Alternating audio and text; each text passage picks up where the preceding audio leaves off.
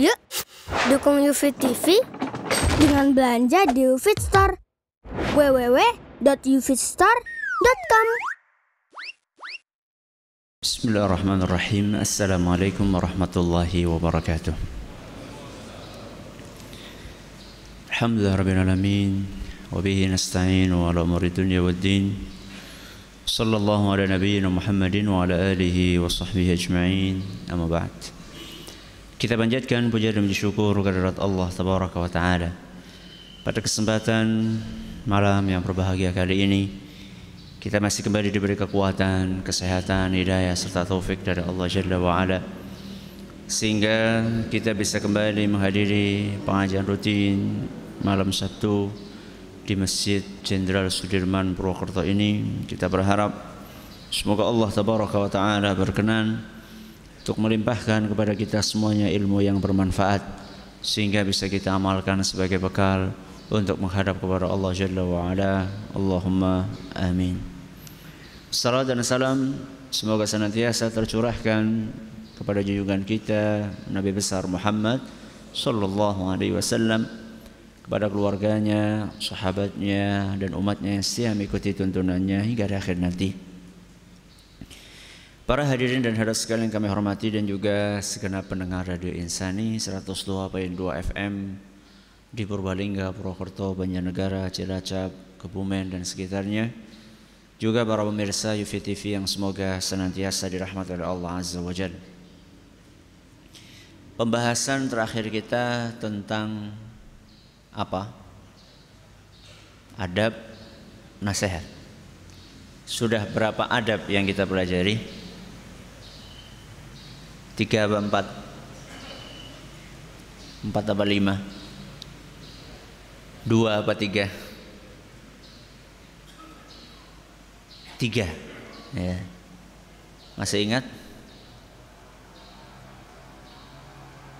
Sudah dua pekan kita nggak ketemu Yang pertama Di antara adab nasihat Ikhlas mengharapkan ridho Allah Subhanahu wa taala di dalam menyampaikan nasihat. Yang kedua, berilmu. Berilmu, memiliki ilmu tentang apa yang akan disampaikan terhadap orang yang akan dinasehati. Yang ketiga, mengamalkan apa yang akan disampaikan kepada orang lain sehingga tidak masuk golongan jarponi ngajar ragelem ngelakoni. Hari ini insya Allah kita akan membahas adab yang keempat. Di antara adab memberikan nasihat kepada orang lain. Apakah adab tersebut? Adab itu adalah memilih metode yang tepat apa? Memilih metode yang tepat. Alhamdulillah banyak di zaman ini orang yang punya semangat untuk menyampaikan nasihat. Dan itu adalah sesuatu yang membahagiakan. Orang punya semangat untuk menyampaikan nasihat karena nasihat adalah sebuah kebaikan Ketika ada orang semangat menyampaikan kebaikan, itu adalah sesuatu yang menggembirakan. Akan tetapi, ternyata di antara orang-orang yang semangat itu, tidak sedikit di antara mereka yang ketika menyampaikan nasihat itu tujuannya adalah untuk menggapai kepuasan nafsu. Kok bisa? Menyampaikan nasihat untuk memuaskan nafsu. Loh, apa hubungannya Ustadz antara nasihat dengan nafsu? Secara naluri, ketika orang melakukan kesalahan, dianya yang melakukan kesalahan. Secara naluri manusiawi, malu nggak? Malu nggak? Malu.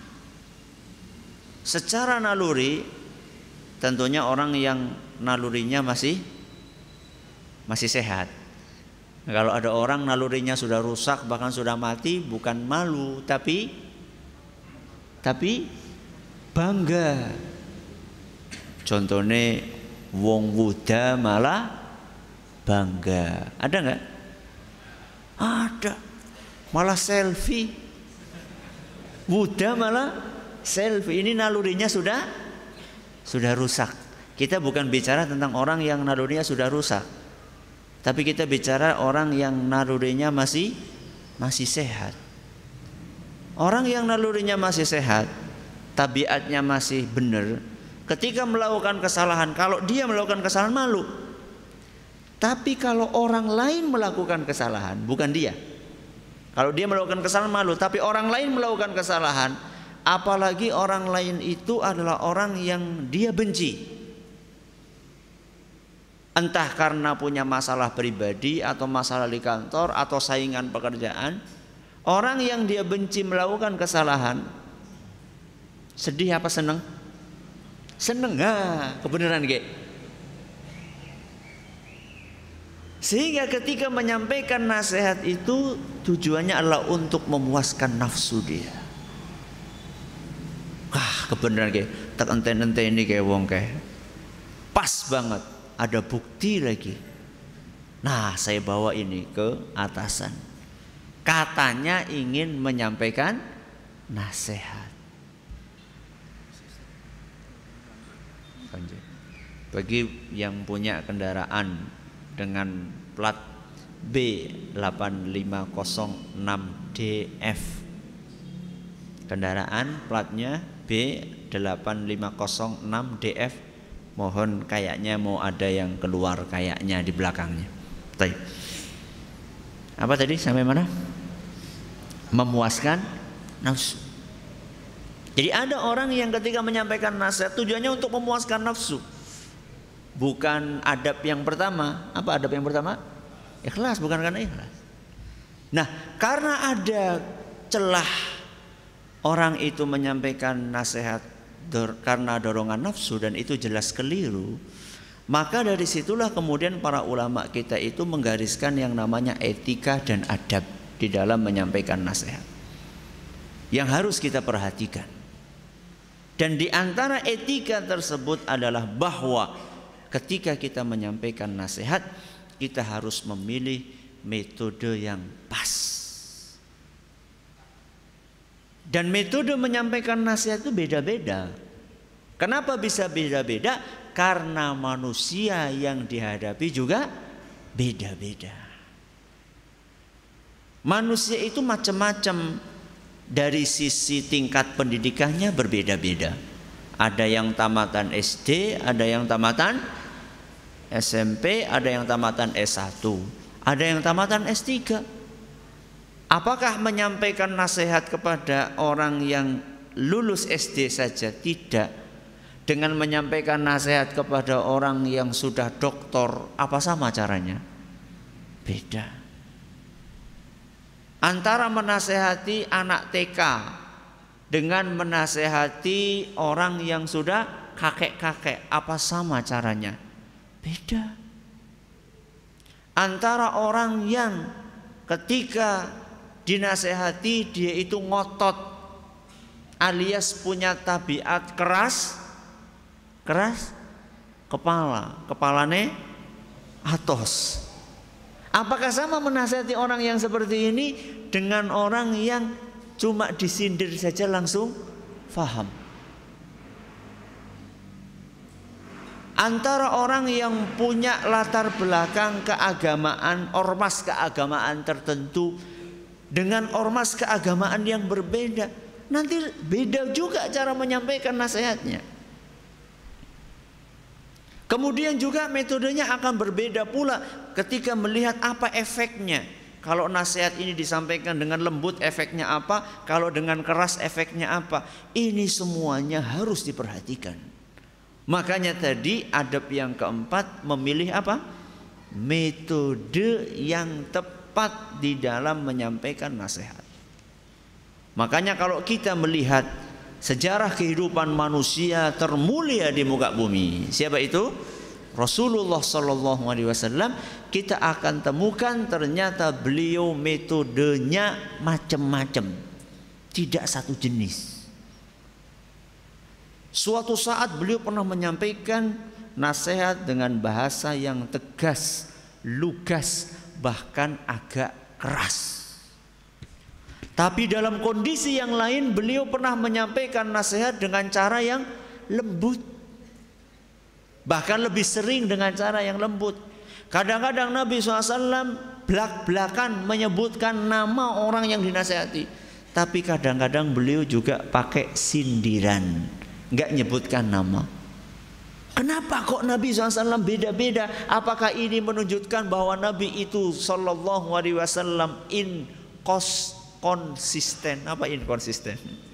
Tidak konsisten.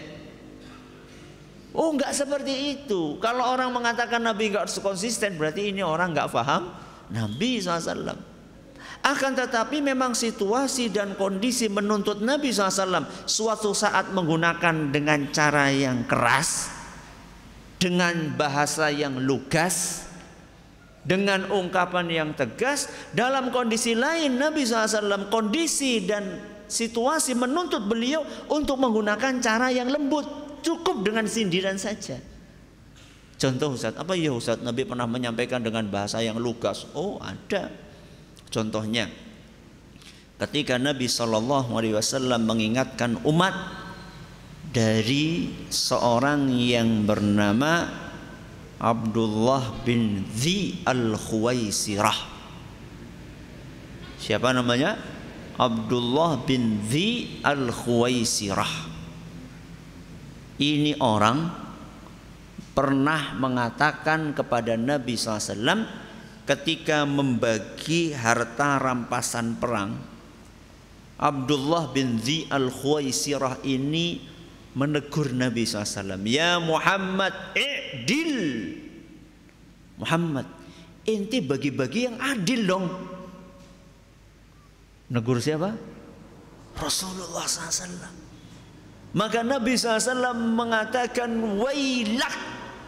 Apa artinya wailak? Celaka inti. In lam adil faman ya adil.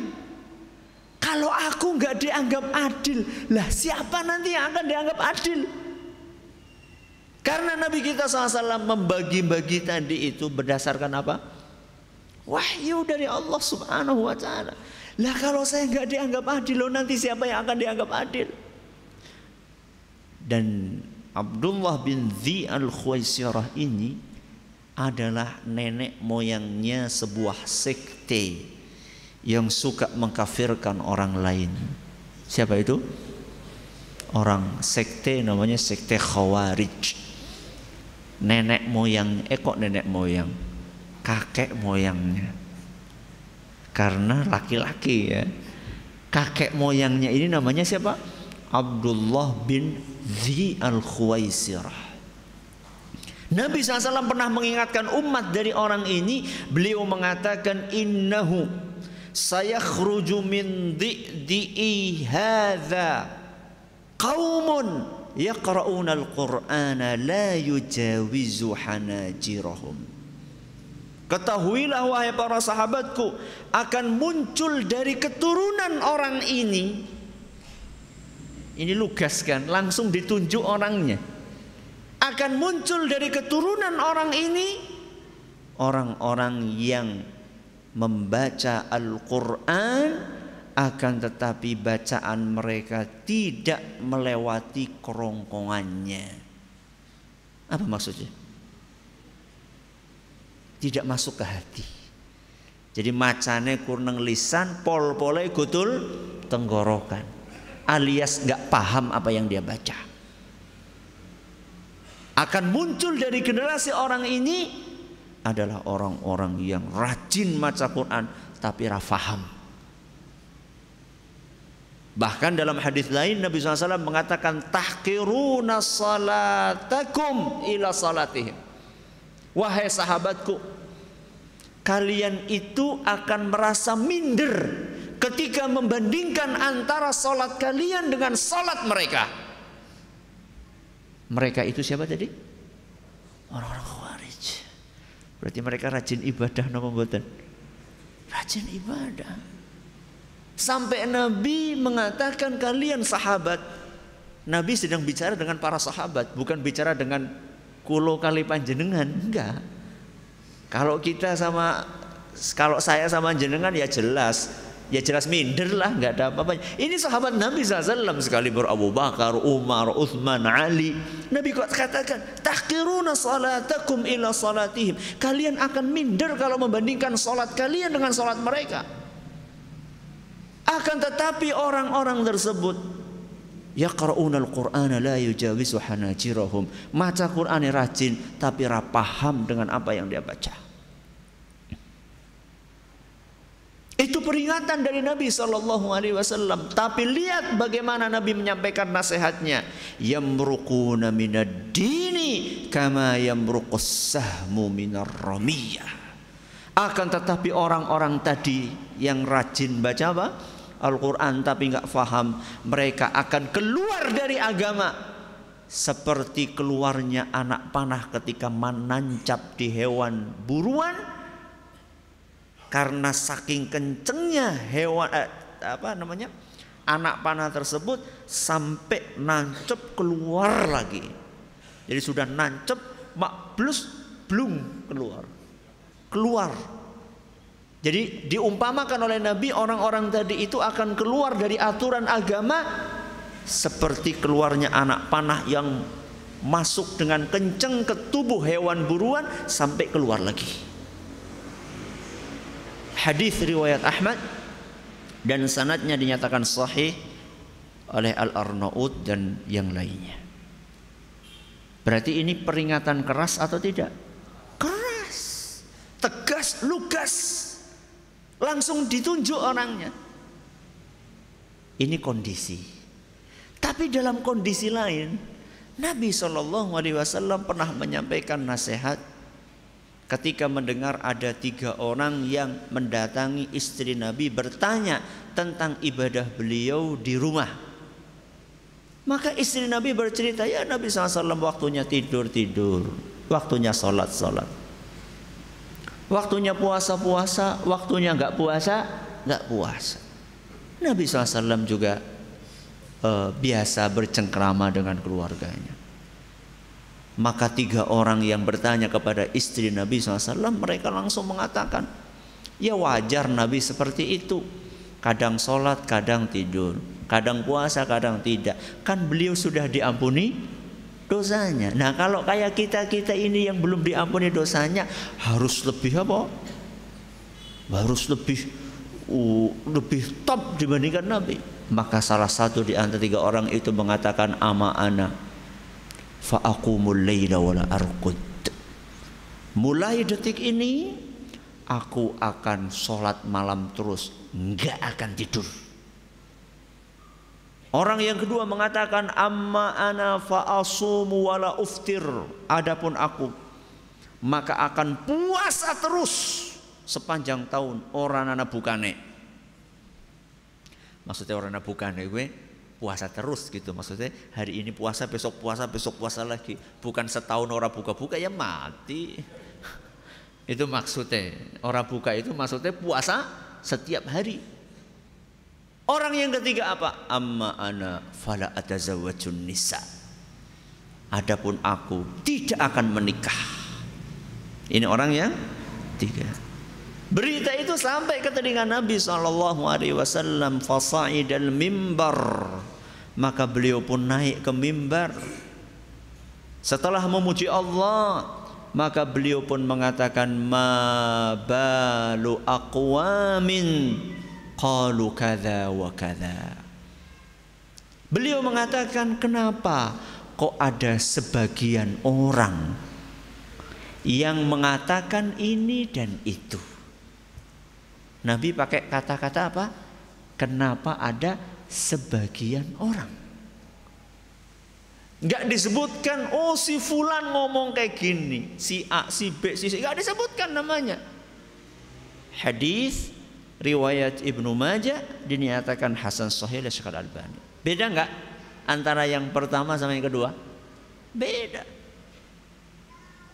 Bahkan dalam kondisi yang lain pernah ada orang melakukan kesalahan yang menurut kita mungkin fatal. Orang itu namanya seorang sahabat bernama Muawiyah ibnul Hakam. Diceritakan Muawiyah ibnul Hakam ini suatu hari makmum di belakang Nabi Shallallahu Alaihi Wasallam. Tengah-tengah sholat ada salah seorang sahabat yang bersin ada seorang sahabat yang bersih. Muawiyah ibnul Hakam mungkin baru ngaji etika mendengar orang bersin. Lagi sholat, mak wahing satu. Langsung dia ngomong, Yarhamukallah. Lagi apa? Lagi sholat. Keras lagi. Yarhamukallah. Faramanil qaumu bi absarihim. Orang satu masjid semuanya ngelihat aku. Ngelirik bukan ngelihat, ngelirik aku semuanya. Lah Muawiyah ini dilirik, maka dia mengatakan ngomong lagi dia. Dia katakan wasukla umyah. Kalau diterjemahkan bahasanya dewek, yung biung lagi sholat ini. Kalau tadi mending kan, zikir tadi kan, ya, tadi mending ya rahmukallah doa. Ini enggak, yuk biunge biunge. Enggak cukup sampai di situ dia katakan masya nukum tanzuruna ilayya. Ana apa pada delengin nyong kabeh. Bayangkan lagi sholat ini, lagi sholat. Coba kalau itu kejadian di masjid Jensut, bubar kayaknya gue. Ada apa kalian ngeliatin saya? Emang saya ada apa? Saya kan benar kira-kira seperti itulah. Alhamdulillah para sahabat tidak terpancing. Kalau terpancing bubar kabeh. Ya. Ada anekdot nggak tahu benar atau tidak. Ada imam sholat kentut. Burine ngomong loh, dening imam ngentut. Pinggirnya loh, sholat kok ngomong. Akhirnya wong semesjid sholatnya batal kabeh. Ini karena kurang il ilmu. Ya. Nah ketika uh, Muawiyah ibnul Hakam ini malah membentak orang-orang, kenapa kalian liatin saya? Ya, akhirnya para sahabat mereka memberikan isyarat supaya diam. Jadi para sahabat saat itu pada memukulkan tangannya ke uh, apa namanya paha ngasih isyarat suruh apa? Diam. Alhamdulillah beliau paham, diam. Selesai sholat, selesai sholat. Nabi dengar nggak kejadian itu? Dengar, Nabi dengar semuanya kejadian. Setelah selesai sholat, apa kata Muawiyah? Bi abi wa huwa wa ummi. Ma ra'aitu mu'alliman qablahu wala ba'dahu ahsana ta'liman minhu. Aku tidak pernah melihat guru yang lebih baik dibandingkan Rasulullah SAW. Sebelum dan sesudahnya. Fawallahi demi Allah. Maka harani wala darabani wala syatamani. Rasulullah Sallallahu Alaihi Wasallam enggak membentakku, tidak memukulku, tidak mencelaku. Tidak disalahkan, dimarah-marahi, apalagi dipukuli, enggak sama sekali. Kala Nabi cuma bersabda Inna hadhihi salata La yasluhu fiha syai'un min kalamin nas Wahai Muawiyah Sholat itu nggak boleh ngomong. Ketika sholat itu nggak boleh ngomong. Terus apa yang seharusnya dibaca dalam sholat?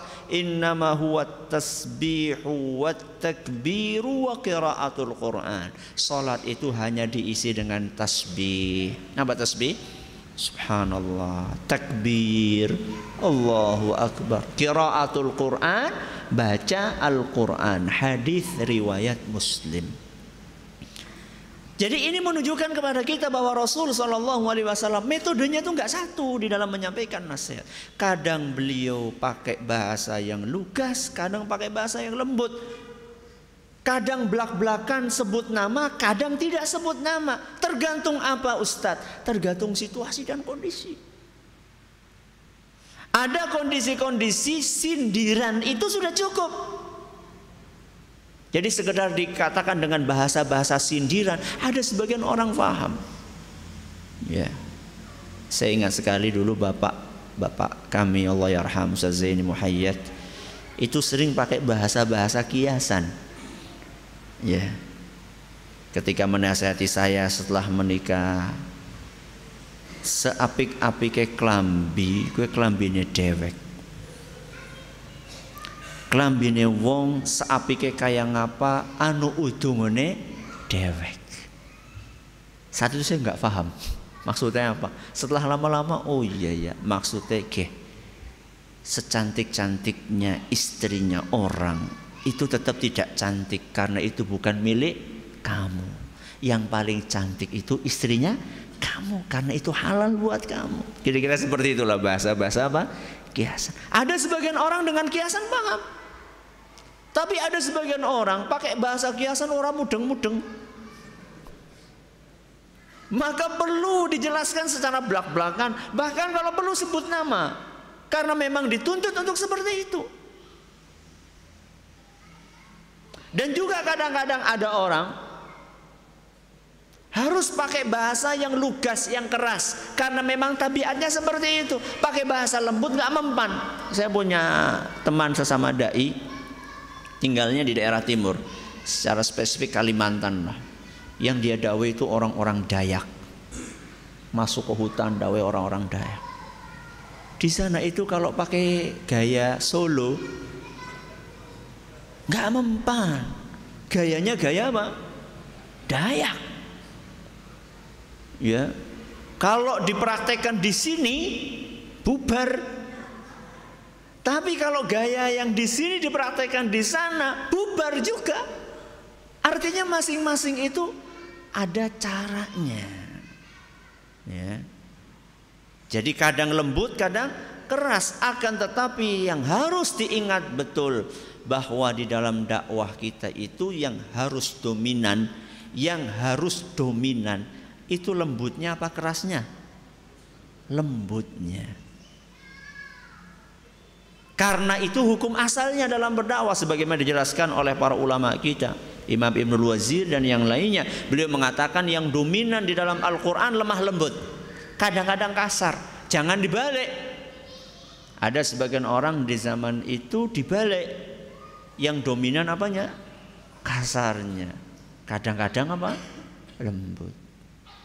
Atau dengan contoh yang lainnya lebih sering uh, merengute dibanding meseme.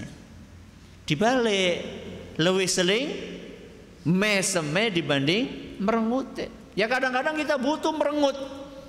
Kadang-kadang kita butuh sikap keras kadang-kadang kita butuhkan. Kenapa? Karena memang kondisi menuntut seperti itu sebagaimana Nabi Shallallahu alaihi wasallam menjalankan itu. Akan tetapi ketika sikap keras itu diterapkan, ada syarat-syaratnya. Para ulama kita sudah menjelaskan itu. Imam Ibnu Wazir beliau mengatakan minimal ada empat syarat kalau kita mau pakai sifat keras. Yang pertama, orang itu benar-benar salah. Benar-benar apa?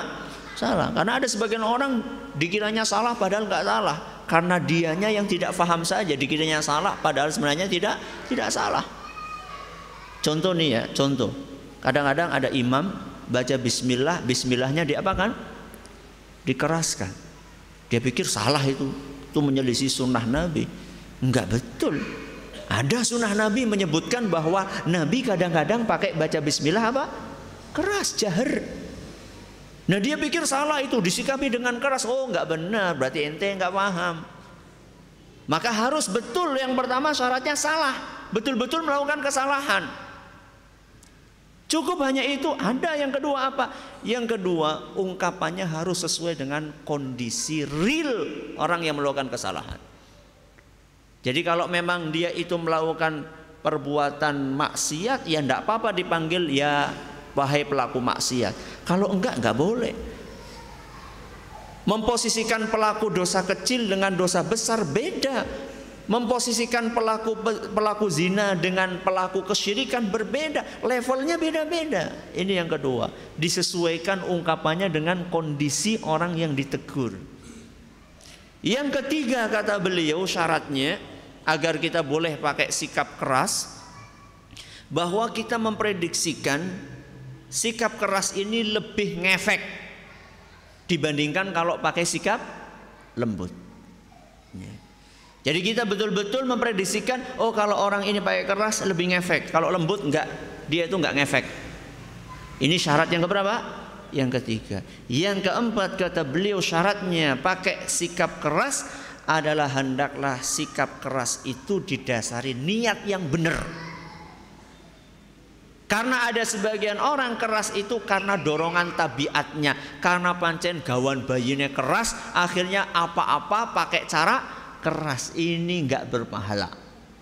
Yang berpahala niat, niat saya keras itu karena ini orang bener akan baik kalau pakai keras. Kalau pakai lembut ini orang nggak baik karena saya sudah paham betul tabiatnya. Niatnya harus benar. Ini empat syarat. Jadi pakai sikap keras itu tidak ngasal. Ada syarat-syaratnya. Ini berarti memilih metode yang apa tadi? Yang tepat.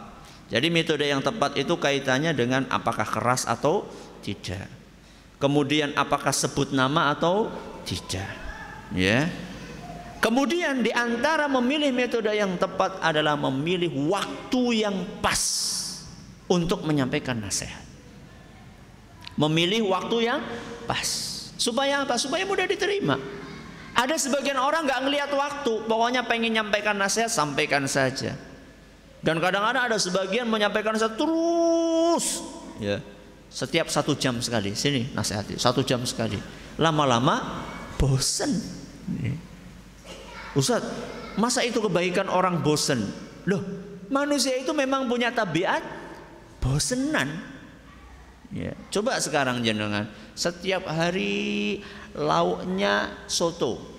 Walaupun panjenengan itu penggemar soto, kalau setiap hari makan pagi soto, makan siang soto, makan malam soto, besok makan pagi soto, makan siang soto. Kira-kira jenengan seneng atau blenger? Blenger. Walaupun itu sebenarnya makanan favorit kita, tabiatnya manusia memang gampang bosen. Nabi paham betul psikologi manusia. Ada hadisnya nggak itu Ustaz? Ada hadisnya. Di dalam hadis riwayat Bukhari dan Muslim. Hadis riwayat Bukhari dan Muslim. Ada seorang namanya Abu Wa'il. Abu Wa'il.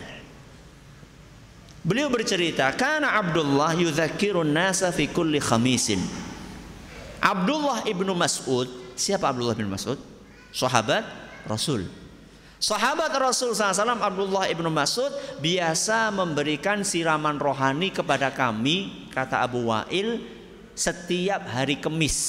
Berarti cuma seminggu sekali. Faqala lahu rajulun, ada salah seorang yang memberi masukan kepada Abdullah ibnu Mas'ud. Ya Aba Abdurrahman, lawaditu annaka dzakartana kulla yawm. Kenapa ente enggak ngasih kami nasihat setiap hari saja? Kenapa cuma seminggu sekali? Kami ini lagi haus, kenapa nggak setiap hari saja? Kenapa cuma seminggu sekali? Maka kemudian Ibnu Mas'ud menjawab, Amma innahu yamna'uni min dzalika anni akrahu an umillakum. Tidak ada satu hal pun yang menghalangiku untuk mau memenuhi permintaanmu kecuali karena aku khawatir bok kalian bosen. Padahal yang dinasehati Ibnu Mas'ud adalah generasi tabi'in. Imannya tabi'in sama kita tinggi siapa? Orang apa-apaan. Ustaz itu kan perbuatannya Ibnu Mas'ud. Katanya tadi hadis Nabi. Kita akan lanjutkan. Wa inni ukhawwilukum fil mau'izati kama kana Nabi sallallahu alaihi wasallam yatakhawwaluna biha. Aku ini tidak saben hari memberi nasihat kepada kalian karena dahulu Rasulullah Shallallahu Alaihi Wasallam tidak saben hari menasehati kami. Berarti Ibnu Mas'ud nyontoh siapa? Rasulullah SAW. Kenapa Rasulullah SAW nggak setiap hari menasehati sahabatnya? Maka saamati alaina karena beliau khawatir kami itu merasa bosan. Kami itu siapa tadi?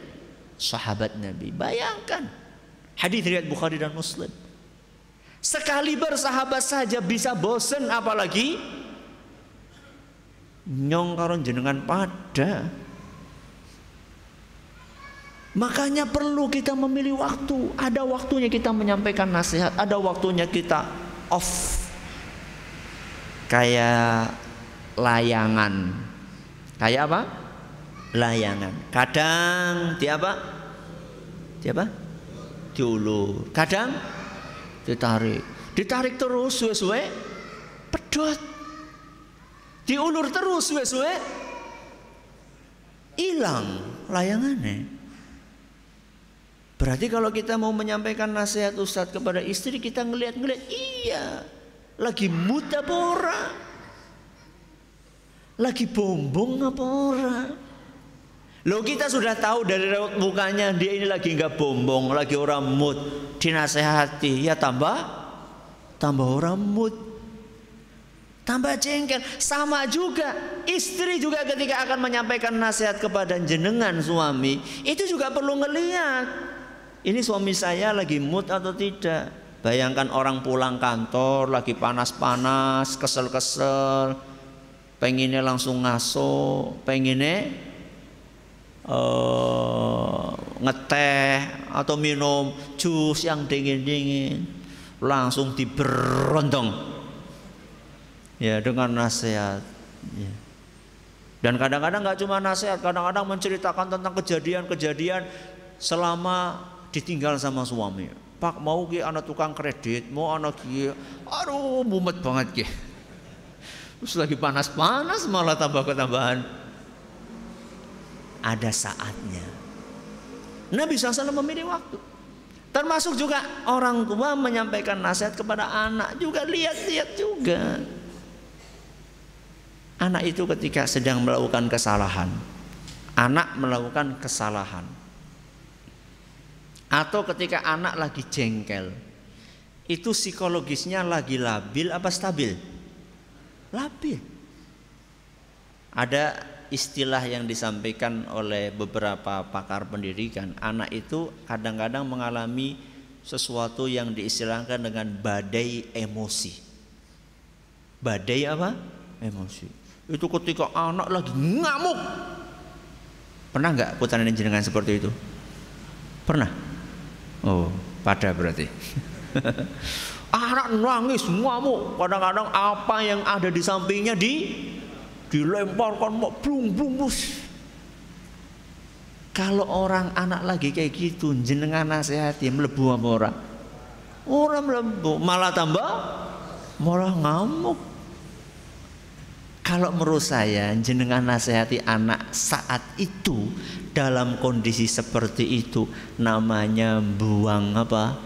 energi. Terus kepriwe corakan. Biarkan. Ya. Loh, nyekel pisau. Nah, itu beda maning. Karena bisa nyekel pisau beda maning itu kondisi. Nyekel pisau itu ya ada kondisi. Enggak, aja paling cuma ngelempar mainan apa. Sudah biarkan, biar, biarkan. Nah, kalau sudah apa? Sudah mereda, emosinya sudah stabil. Baru nasihati pelan-pelan. Gimana? Mainannya yang tadi dilempar mana? Bodol apa ora?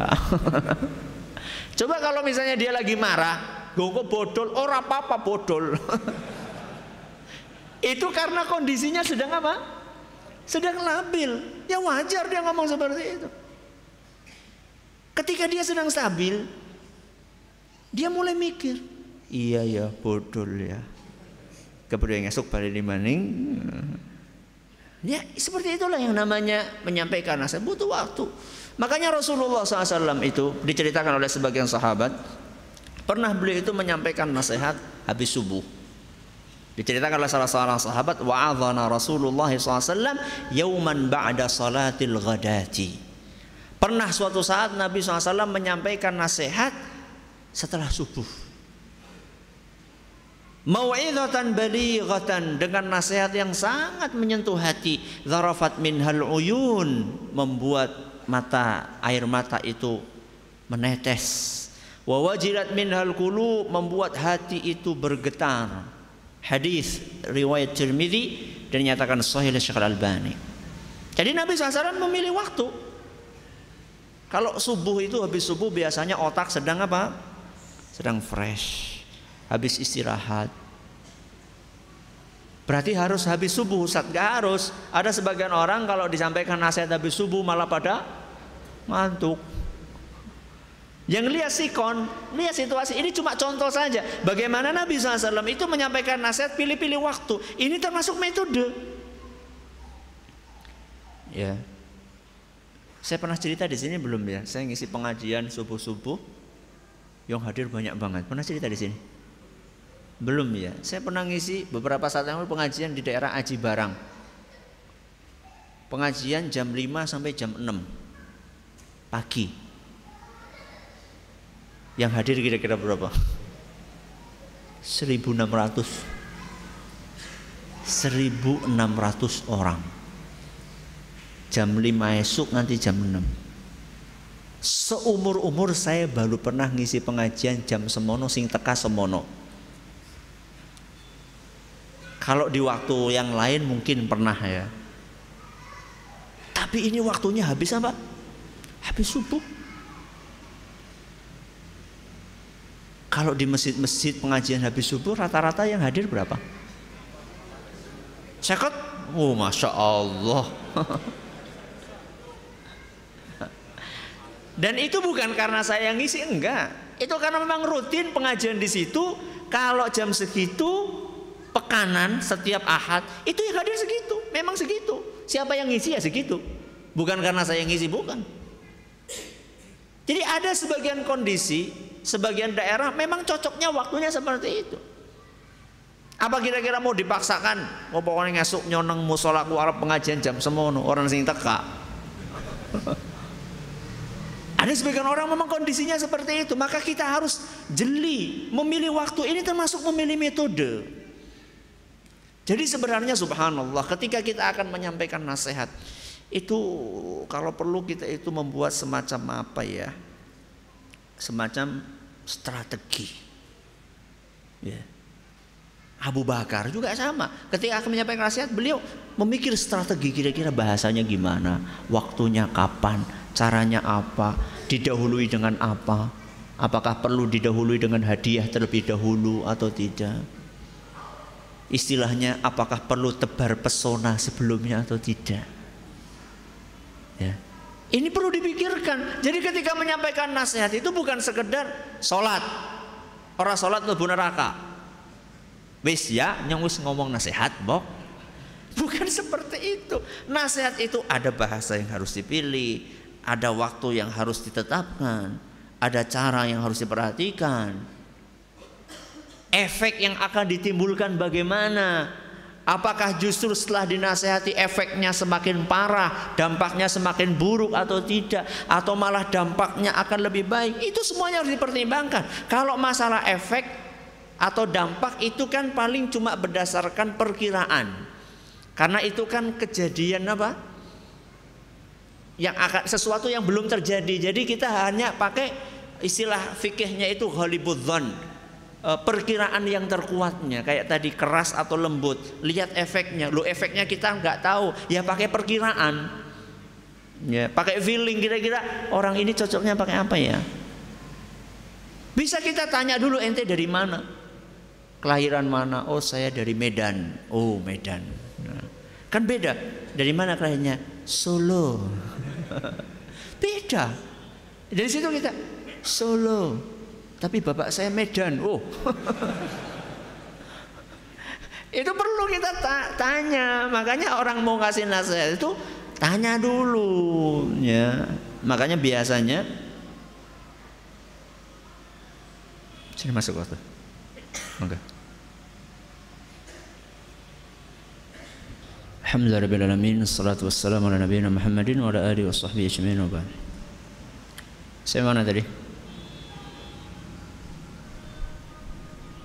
Oh biasanya ya. Makanya biasanya Saya itu kalau ketemu sama orang Entah ketemu di bis, ketemu di kereta Atau ketemu di jalan Atau ada orang bertamu ke rumah dan saya belum kenal lebih banyak menjadi pendengar sebelum menjadi pembicara. Jadi kita ini menggali dulu. Jangan kita digali dulu. Pahami orang sebelum dia memahami kita. Supaya apa? Supaya apa yang akan kita sampaikan pas. Kita sudah panjang lebar, misalnya nih, udah bicara lebar tentang sholat tentang puasa ketemu sama orang di oh, apa namanya di kereta. Tahu-tahu setelah kita mulut berbusa-busa saking lamanya bicara tentang sholat ternyata maaf pak saya Nasrani. Itu kan nggak lucu. Mungkin nggak? Mungkin sekali mungkin kita nggak kenal sebelumnya sama sekali. Sangat mungkin. Makanya ngobrol ngobrol dulu gitu loh latar belakangnya apa. Ya. Kita sudah bicara panjang lebar misalnya. Ya. Tentang komputer tentang macam-macam tentang teknologi.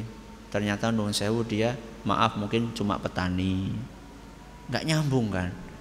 Makanya inilah pentingnya kita memahami karakter orang yang sedang kita hadapi. Ada pertanyaan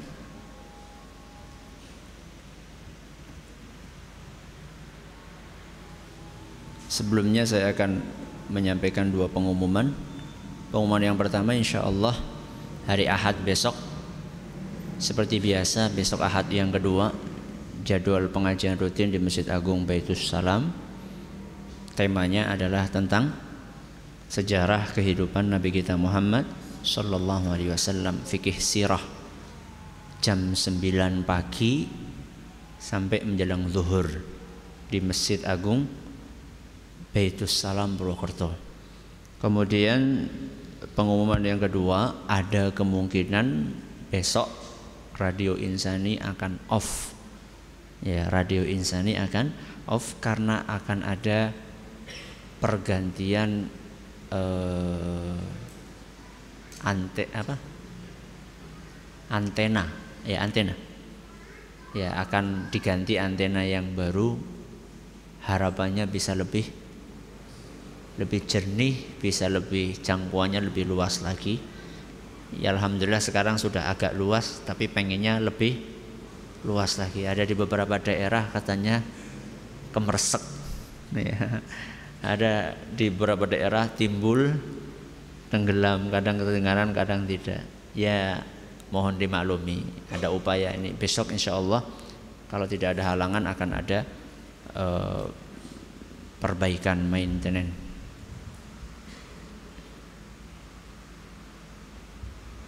Ustadz ketika kita sudah menyampaikan secara halus sampai tegas tapi tidak ada efeknya gimana Ustadz untuk menghadapi orang yang seperti ini? Diteruskan. Diteruskan saja. Nabi Shallallahu Alaihi Wasallam pernah nggak menasihati orang sampai meninggal dan orangnya nggak menerima? Banyak. Paman beliau Abu Talib. Ya. Kemudian sebagian kaum munafikin Sampai Rasulullah SAW wafat, dia masih munafik. Tapi tetap dinasihati sama Nabi. Kita ini nggak dituntut untuk membuka hati seseorang. Karena itu bukan wewenangnya manusia. Itu adalah hak prerogatif siapa? Allah. Kita ini cuma disuruh apa? Menyampaikan. Sampaikan Masalah diterima atau tidak diterima itu bukan urusan kita. Kalau misalnya kita nasihati orang 10 tahun lembut keras lembut keras 10 tahun kita nasihati. Bahkan sampai dia meninggal dunia enggak diterima sama dia. Sudah kita nasihati masalah sholat supaya sholat sampai dia meninggal dunia enggak sholat. Pertanyaannya apakah nasihat yang jenengan sampaikan mubah mubah itu artinya sia-sia muspro muspro enggak nasihat yang jenengan muspro enggak yang jenengan sampaikan Enggak. Para nabi itu enggak pernah dicat, enggak pernah dicela sama Allah gara-gara enggak punya pengikut. Ada enggak nabi yang enggak punya pengikut? Ada. Yang pengikutnya cuma dua, yang pengikutnya cuma satu, bahkan yang enggak ada pengikutnya ada.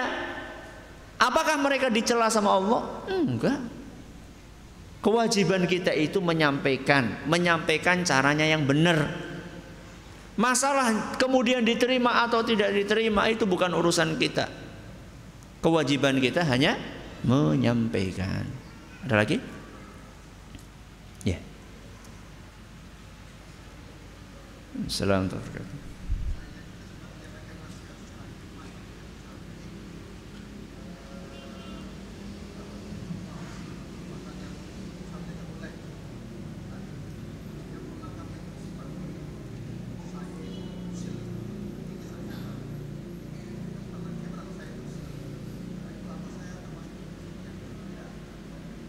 Ya. Kalau sudah menyampaikan nasihat dengan cara yang hikmah, tapi malah komentarnya dari yang dinasehati malah kok usil temen. Kalau istilah anak muda sekarang apa? Kepo. Ya, kepo ya. Nah, kepo. Kamu kepo banget sih. Ya. Kalau dikatakan seperti apakah kita sudah menyakiti dia? Ya tergantung. Kalau kita caranya sudah benar, sudah baik, sudah lembut, sudah sesuai dengan kondisi, Cuman dia memahami seperti itu ya tidak. Ya, karena ada sebagian orang selembut apa pun dia akan menolak. Ya sudah. Yang penting kita sudah menyampaikan. Ya, kecuali kalau caranya salah, keras, kasar misalnya. Berlebihan kasarnya tidak sesuai dengan aturan. Ya, itu berarti menyakiti dia walaupun maksudnya baik. Yang harus difahami adalah maksud dan niat baik saja tidak cukup caranya harus baik pula. Wallahu taala alam. Terima kasih atas perhatiannya. Mohon maaf atas segala kurangnya. Kita tutup dengan membaca subhanakallahumma bihamdik asyhadu an la ilaha illa anta astaghfiruka wa atubu ilaik. Assalamualaikum warahmatullahi wabarakatuh.